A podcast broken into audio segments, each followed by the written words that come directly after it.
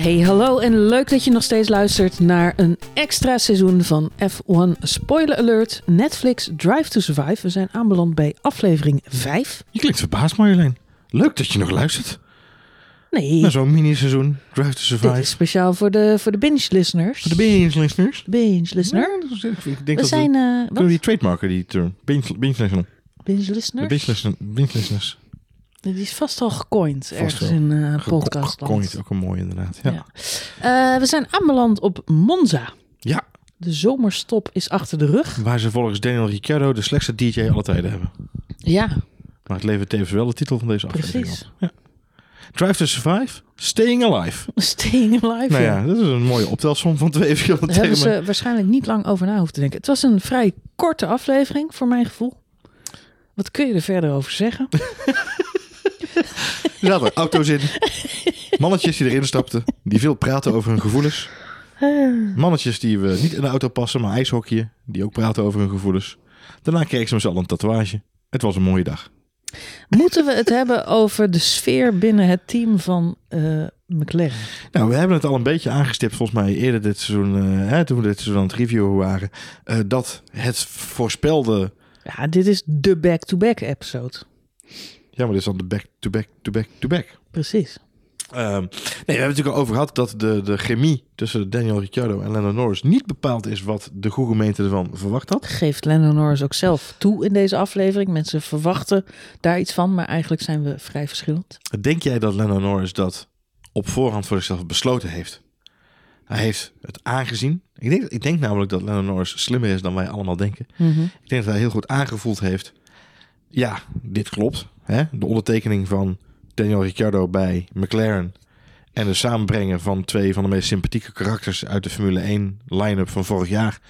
Ja, was natuurlijk een hele goede zet. En dat biedt natuurlijk heel veel potentie. Maar ik denk dat hij heel slim heeft ingeschat. Ik moet daar niet te veel in meespelen. En ik heb het gevoel dat het een bewuste keuze is geweest van Lennon Norris om zich daar een beetje tegen af te zetten. Ja, ik denk dat ook. Ik, het, mij valt op tussen de regels door, want Lando is zeker niet eh, een van de hoofdpersonen van dit seizoen. Hij komt eigenlijk als eh, bijrol veelvuldig als in, in beeld. Ja. Ik denk wel dat hij een bewuste keuze heeft gemaakt om, eh, eh, ja, om, om volwassener te worden, om serieuzer te worden. Hij was natuurlijk een beetje de grappenmaker van, eh, van de Formule 1 een hele tijd. Hij was ook altijd eh, zeer blij en vereerd als hij iets won. Ik weet nog zijn eerste podium in Oostenrijk. Ja. De verbazing en blijdschap die van zijn gezicht afspatte. Ja. En je ziet hem dit seizoen eigenlijk elke race beginnen met voor minder dan de overwinning doe ik het niet. En ik denk dat dat de juiste menta- mentaliteit is. En ook, eh, we hebben hetzelfde proces bij, bij Gasly gezien. Gasly Ja. was natuurlijk, ja, het was niet zozeer een, een Alleen dan lolbroek. om een keer de volgorde wou je zeggen. Nee, het was niet zozeer een lolbroek, maar het was wel iemand die, hè, jonkie. En alhoewel hij trouwens eh, ouder is dan eh, Max Verstappen, als Ja. ik het goed heb. Een jaar, een jaartje, jaartje schelen niet veel. ja, maar eh, kwam natuurlijk wel daar hè, bij het grote Red Bull eigenlijk als, als junior binnen, omdat Max daar al gevestigd was op dat moment. Ehm, en eigenlijk vanaf het moment dat Gasly terug is gegaan naar AlphaTauri, Mhm. En zeker sinds hij vorig seizoen ineens die race op Monza wist te winnen. Ja, zien we, eh, hij is echt snel oud geworden. Tel daarbij op, hè? Het, nee, nou, het tel daarbij op het ongeluk op Spa eh, van, eh, van, van zijn goede vriend eh Ja, Hubert. Ja. Eh, er is bij hem, er is een verandering gekomen, waardoor hij, nou, nu in elk geval met veel meer, ja, met een serieus blik. Gedrevenheid misschien. ja, gedrevenheid Ja. Aan, aan deze races begint. En ook eigenlijk, eh, hij, hij rijdt daar niet voor spek en bonen. Hij rijdt voor de podia. Hij weet dat het mogelijk is. Hij heeft dat met AlphaTauri nu een paar keer gedaan. Overigens wederom sneu om te zien, want het deed me realiseren. In deze aflevering zien we een sprintrace. eh, Ja, voor het eerst weer. En eh, het deed me realiseren hoe pijnlijk dat dan is. Want Gasly was een hele goede qualifier dit seizoen. Mhm. Als je de pech hebt dat je in de eerste bocht, er dan vanaf vliegt. En dat had Gasly volgens mij een aantal keer. Of dat, volgens mij is het twee of drie keer. Bij, bij de sprintraces heeft hij het volgens mij meerdere keren meegemaakt. twee keer inderdaad, ja. Ja. ja. Voor drie. Ja, Ja, en dat, hij, hij is dus een hele goede qualifier. En dan in zo'n sprintrace verpruts je eigenlijk eh, je startpositie voor, voor de wedstrijd. Het is eigenlijk wel sneu. Nou ja, bij Daniel Ricciardo wordt dan deze aflevering gezegd, is eigenlijk andersom. Eh, hij is meer een racer en, en minder een, eh, een qualifier. Mhm. Nou, dat moet dan eh, in deze race eh, blijken. Eh, maar goed, even terug. Ja, Gasly moest volwassen worden. Lando Norris zien we dat dit seizoen ook doen. Dus Ja. ja, ik denk wel dat hij zich dat heeft aangemeten voordat hij aan dit seizoen begon. Het is, een, eh, het is een learning curve. Wat ik heel grappig vind, is je ziet het volgens mij bij jonge sporters meer.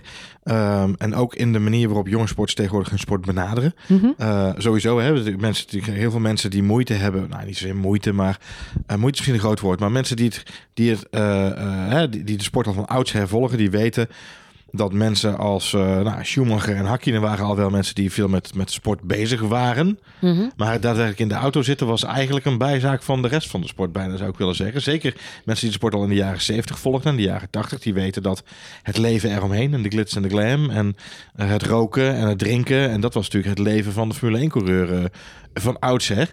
Mhm. En je ziet eigenlijk hetzelfde wat je bij andere sporten ook terug ziet. Kijk maar naar het voetballen of naar eh, het tennissen tegenwoordig natuurlijk, waar je ook heel veel jonge mensen die doorbreken, is er is zo'n klikmoment bij jonge mensen. Eh, Mhm. nu klink ik zelf als een oude bok, dat is ook weer niet helemaal waar.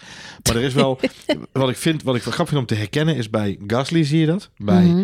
Norris zie je dat, bij Russell zie je dat. Mhm. Er is een klikmoment waarop ze zich realiseren, ik heb tot hier, hè, mijn eerste jaar in de Formule 1, mag ik op terugkijken, was het een fantastisch avontuur. Mhm. Wat een, wat een fantastisch avontuur en wat een droom dat ik hier nu ben. Mhm. Alleen dan moet die knop om en dan moet je naar de winnaarsmentaliteit die zegt... Oké, maar om hier te slagen moet ik er nog een schepje bovenop doen. Ja. En dat geldt eigenlijk, jongens en meisjes, trouwe luisteraars, in het Mhm. hele leven. Maar zeker in topsport en zeker in de Formule 1, Ja. waar natuurlijk, waar we het al vaak over gehad hebben, nog veel meer draaiende onderdelen zijn in deze machine. Ehm, maar, maar zeker, zo'n zo, zo, Lennon Norris lijkt zich te hebben gerealiseerd.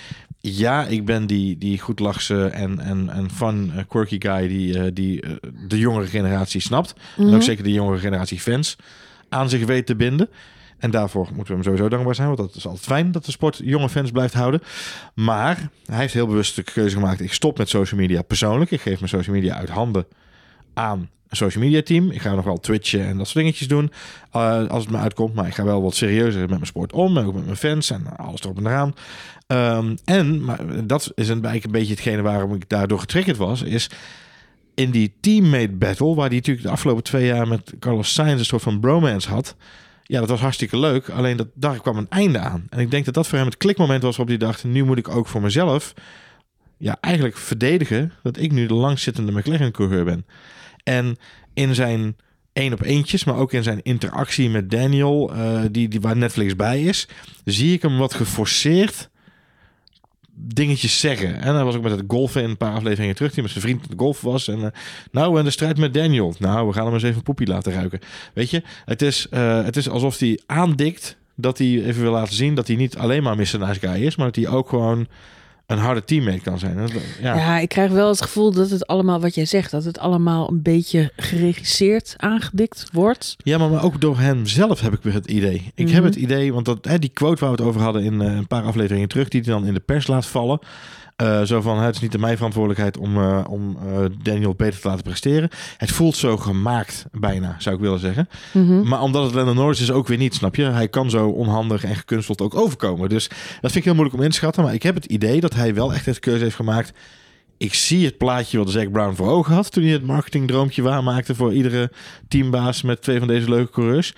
Maar ik ga er niet helemaal in mee. Tot een bepaalde hoogte. Nee, en ik denk ook, ik denk ook wat hij zegt klopt. Het zijn eh, twee hele verschillende types. Wat mij opvalt tijdens deze aflevering, dat zei ik ook ergens halverwege tegen je. Ik zeg Daniel Ricciardo. Ik snap wel waarom mensen hem. eh, hij is heel geliefd, maar ik snap ook wel waarom mensen hem irritant vinden. Want als Daniel Ricciardo in de kamer is, draait alles om Daniel Ricciardo. Altijd. En dat is niet voor iedereen leuk. Zeker niet voor uh, quirky uh, guys, zoals uh, Lennon Norris of, of een monteur of een engineer of de wat, hè, de wat mensen die wat minder... Schuchtere mensen, ja. Nou, de meer introverte personen. Daniel Ricciardo is heel extravert, maar hij heeft ook nog eens de neiging om... zijn grappen zijn grappig, maar ze zijn bijna altijd ten koste van iemand.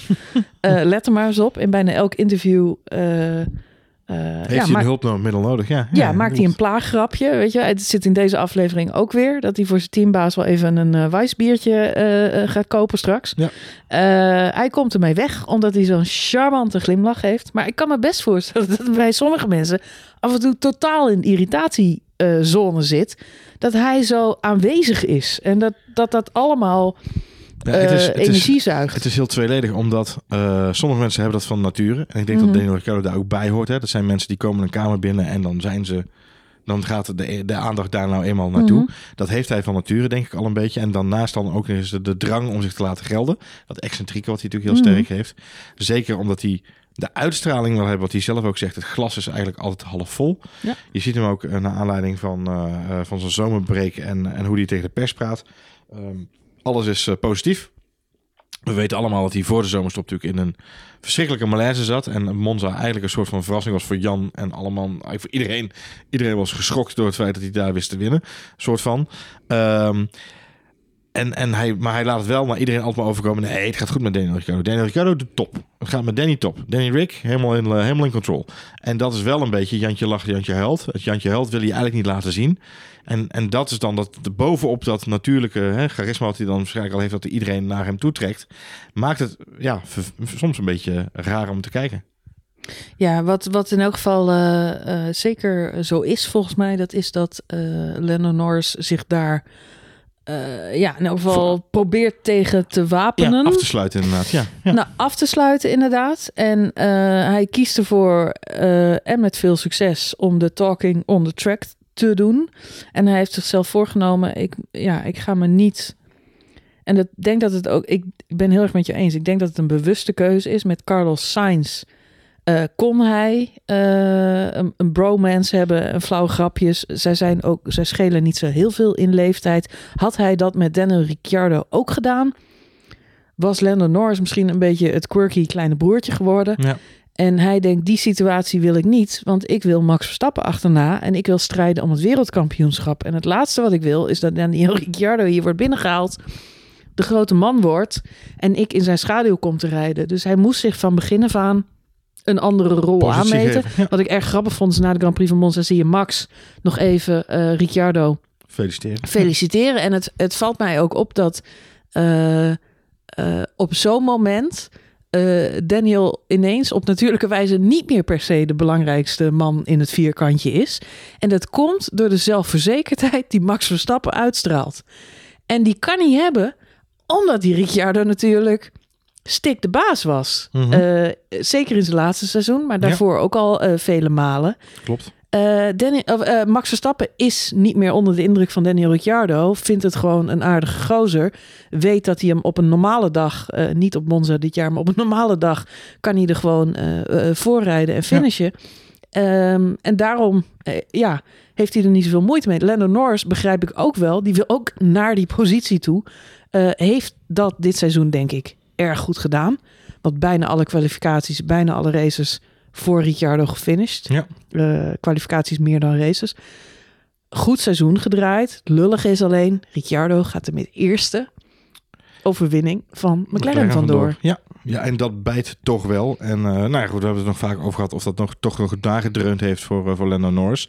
Uh, Alhoewel die wel op de beeld in deze aflevering toch erg blij lijkt voor het team. En ook wel tevreden met zijn tweede plek. Je ziet hem lachen op de teamfoto's. Ja, maar dan is de bezinning ook wel. Hè, de, de, ik was even vergeten dat ze inderdaad. Dat Lando zoveel sneller was eigenlijk. Want dat, dat, daar was ik een beetje overheen gestapt in mijn, in mijn geheugen. dat zie je nu nog wel terugkomen. Uh, ik heb nog heel even net even teruggezocht. Maar Lando Norris was inderdaad in principe gewoon stukken sneller dan Daniel Ricciardo. Alleen ze wilden net voorkomen met het team dat het een strijd zou gaan worden. Want ze kunnen natuurlijk geen. Ja, goed, ze kunnen tegen Daniel Ricciardo niet zeggen nadat hij de race de leiding heeft ja, genomen. Ik weet nog ga je even aan de kant anders. Ik weet nog dat we het hier over hadden in de nabeschouwing van Monza. En dat ik ook zei, als ze Daniel Ricciardo op dat moment de teamorde hadden gegeven Ja. aan de kant, Had je hem kunnen afschrijven. had je hem kunnen afschrijven. Ja. Dan had je hem gewoon bij het vel kunnen, kunnen neerzetten daar Ja. in Monza, door kunnen reizen, nooit meer om kunnen kijken naar die arme Australische jongen. Die, eh, Dat hoop je Australië wat ja, daar ook dat, lag, dat Ja, was gewoon eh, klaar dan. Dan, Maar- dan was hij niet meer. En, en ze hebben natuurlijk een investering in die man gedaan. En die schrijf je niet zomaar af. Je hoopt, dat zie je ook wel in de afleveringen, deze en de vorige over McLaren terugkomen. Ze willen die investering terugverdienen. Onderaan Ja. de streep is het gewoon koehandel. het heeft een hoop geld gekost en hij moet wel gaan renderen. Nou, en dat hopen ze dan op dit moment eh, goed te praten. Ik denk ook wel dat Lando Norris de berusting in heeft dat, het, eh, dat zijn dag nog wel zal komen. Ja. Jammer is wel dat het hierna natuurlijk met McLaren niet meer eh, echt goed komt. Ze hadden een betere eerste seizoenshelft dan eh, het einde van het seizoen, waar Ja. het eigenlijk eh, behoorlijk tegenviel. Overigens, jij zei net iets interessants, vond ik, over hè, dat klikmoment Ja. van die jonge coureurs. Ik zat daar tijdens deze aflevering ook nog aan te denken. En we zagen in de vorige aflevering nog even die beelden van Sochi. Ja. Lando Norris had daar natuurlijk zijn eerste overwinning kunnen pakken. Het begint te regenen, het hele feest gaat niet door. Gek. Ik, mo ik moest ook weer aan Russell denken. De volgende aflevering gaat over George Russell. George Russell heeft het precies hetzelfde meegemaakt. Toen hij vorig seizoen in een Mercedes eh, de één na langste pitstop alle tijden maakte. Eh, of de, de meeste Ja, pitstops meeste in één, in ja, precies. wedstrijd. Ja. En uiteindelijk ook zijn overwinning ziet vervliegen. Ik realiseer me dat eh, Charles Leclerc het heeft meegemaakt in Oostenrijk, waar wij bij waren. eh, dat eh, Max Verstappen hem uiteindelijk op betere banden vlak voor de finish inhaalt. Ziet ook zijn allereerste Grand Prix overwinning poef, in Ja. rook opgaan. En ja, Pierre Gasly heeft uiteindelijk wel die eerste overwinning gepakt. Maar heeft natuurlijk meegemaakt dat hij is teruggezet Ja. van een geweldig Formule 1 team naar een B-team. Eh, al die jongens hebben een hele harde leerschool gemaakt. En ja, de quote is natuurlijk: What doesn't kill you makes you stronger. Ja. Nou, dat geldt voor deze mannen wel. eh, en nou, Max Verstappen vergeet ik nog. Maar Monaco 2018, Nou de race moest- die, hij, ik- ik- jij die zei- hij eigenlijk had moeten winnen, Precies. was helemaal voor hem geschreven, gescript. Uiteindelijk springt Daniel Ricciardo daar in dat zwembad. Dat moet ook pijn hebben gedaan hoor. Ja, ik denk dat Max, en, en, en ik moest toevallig aan Max denken inderdaad. Jij zei Leclerc en toen dacht mijn eerste gedachte was inderdaad eh, eh, niet alleen de race die hij had kunnen winnen in Oostenrijk, maar ook eh, eh, Monaco afgelopen jaar.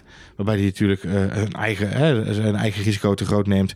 Natuurlijk kun je dan zeggen, mechanische fout in de auto, dat kan je niks doen. Maar dat kon hij eigenlijk wel. Maar het was niet zijn eerste. Want het was wel zijn thuisrace, maar het was niet zijn eerste. Nee, maar deze had hij ook gewoon in, in principe in het bakkie, om zo maar even te zeggen. Je moet nog wel even winnen vanaf Pol, maar in principe Monaco zou je die- kunnen winnen. Ja. Maar Max Verstappen inderdaad. Max Verstappen heeft natuurlijk nog meerdere van dat soort momenten gehad. Monaco, oh, sorry, Mexico.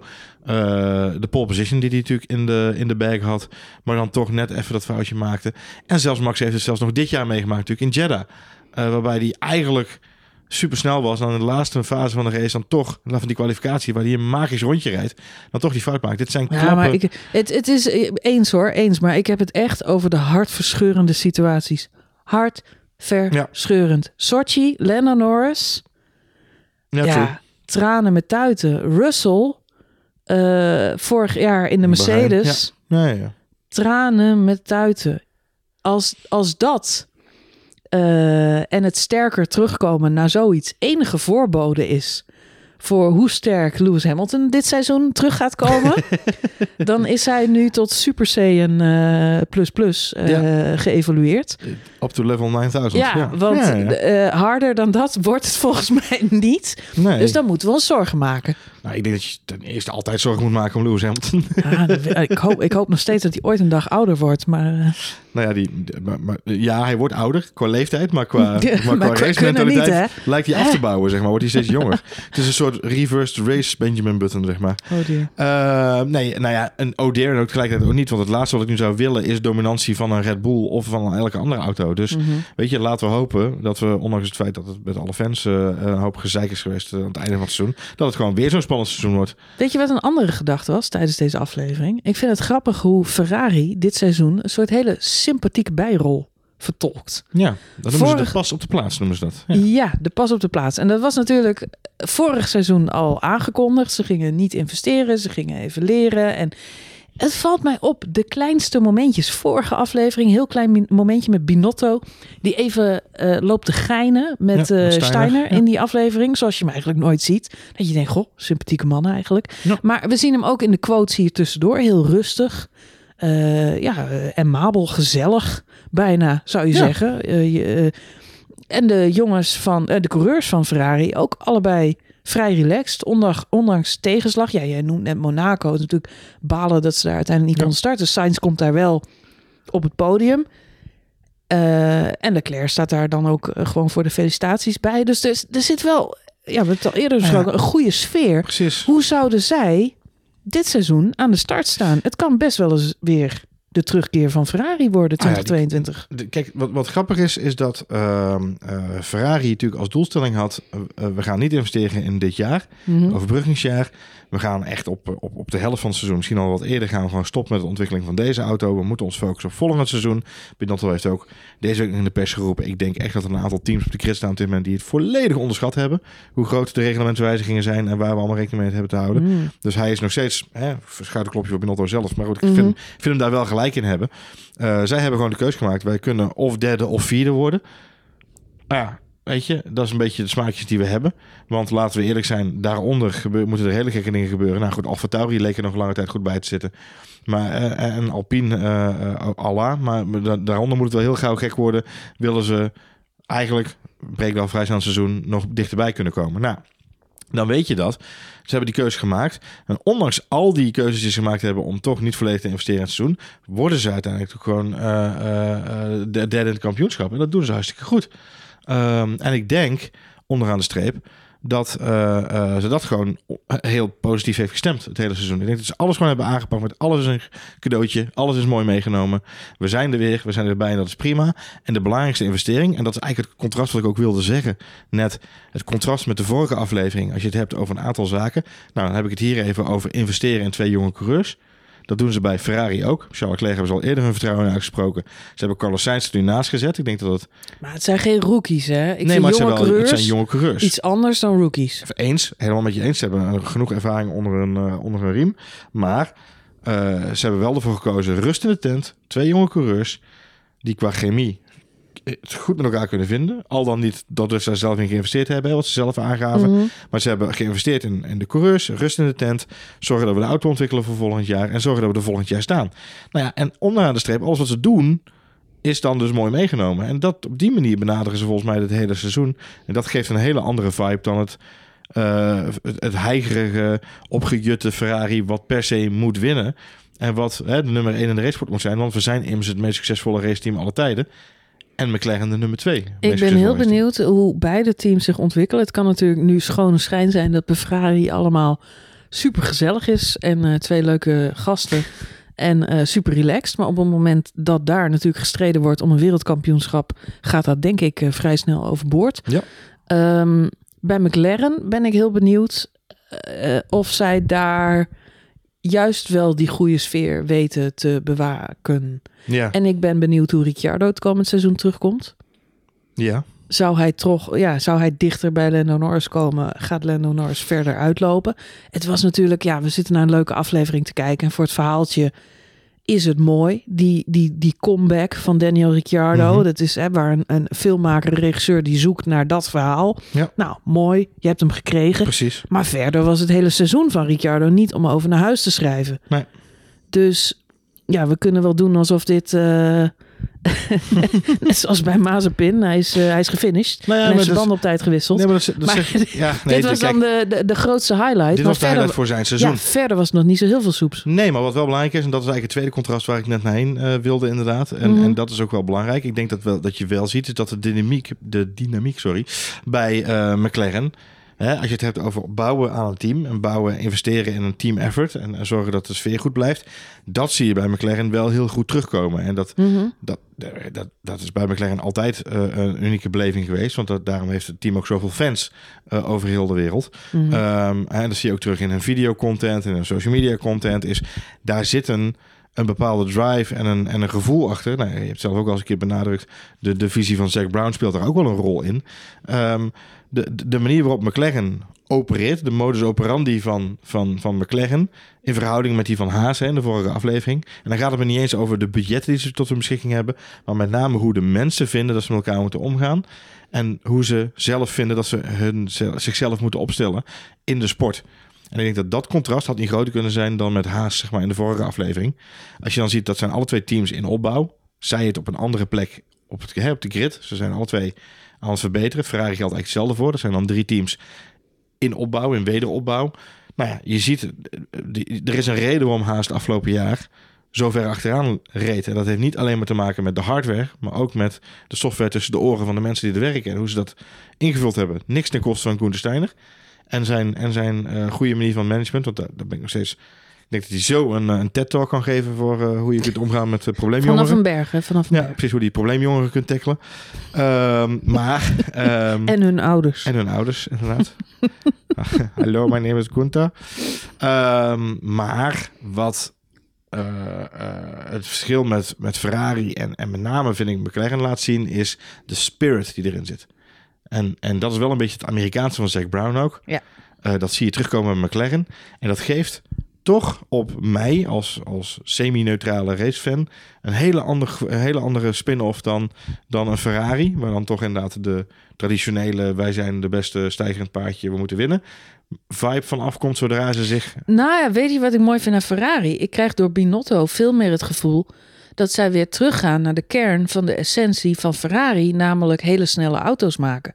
Het gaat om techniek, het gaat om technologie, het gaat om uh, een mooie rode auto, maar vooral om wat er onder die motorkap zit. En daar ben ik heel benieuwd naar. En ja. ik denk dat door die, kijk, dat is uiteindelijk waarom we van Ferrari houden en waarom we stiekem allemaal dromen van zo'n auto. Uh, omdat het verdomd goede auto's zijn. En ik denk als hij dat terug kan brengen. En net wat jij zegt, het gaat niet meer om de wij zijn uh, Ferrari, wij zijn de beste. Uh, wij zijn een, een, prancing horse en een parfumlijn en een tasje en allerlei andere nee, randverschijnselen. Nee, nee maar als zij juist weer, en dat is onderaan de streep waarom Ferrari in de autosport zit, omdat ze willen laten zien, wij maken de allerbeste, snelste auto's ter wereld. Ja, maar Binotto zegt dat ook letterlijk in deze aflevering. En, en ik geloof dat ook wel. Ik ben het niet met je oneens. Alleen ik denk dat dat gevoel geeft mij een ander gevoel. Eigenlijk dat precies hetgeen wat ik bedoel. Datgene wat jij nu zegt, dat is inderdaad wat ik terugkrijg van Ferrari. En bij McLaren leunen ze nu heel erg op de legacy. Omdat Zack Ja. Brown de grote uh, geschiedenisfan is. Uh, met het hoofdkantoor en, Ja. al, en zijn autoverzameling en uh, de legacy van het. McLaren-merk. Ja, nee, maar dat buit hij heel goed uit. Er is ook een legacy van een McLaren-merk. Maar Zack Brown moet niet vergeten dat onderaan de streep ook McLaren een van de snelste en mooiste auto's ter wereld bouwt. En dus ook moet blijven bouwen. Ja. Want onderaan de streep hebben we het over autosport en niet over marketing. Nee, dat ben ik met je eens. Dat is waar. Daar valt dan geen spel tussen te krijgen, Marjolein. Nou ja, daar valt Hè? zeker een spel terug te krijgen. Niet want er zullen een hoop mensen in lachen zijn uitgebarsten als ik zeg dat Formule 1 niet om marketing draait. Ja, die kan Dat draait het uiteraard wel, maar ik denk dat als je je best doet om eh, de essentie te bewaren, en dat is de beste, snelste auto met de snelste coureur op de grid eh, te, te willen zetten, ik denk dat je dan uiteindelijk het meest succesvol bent. True. Dus misschien moeten ze dat bij Haas ook omarmen. Nou, misschien moeten ze kijken of ze Max Verstappen in 2028 vrij kunnen krijgen. Ja. je weet het niet. Dus. Je weet het niet. Hey, eh, we gaan door, eh, Marjolein. We, We gaan zijn door. Op, de, op de helft. Aflevering 6. Ja. George Russell, corona hussel. De George Russell Corona Hussel is, is intussen achter ons. Ja, Maar we, gaan, eh, we zijn over Zaagmans heen. Dus, maar hij gaat alsnog husselen, joh. ja, dat is waar. Dus eh, we gaan het zien. Aflevering 6. Doe de George Russell Hussel.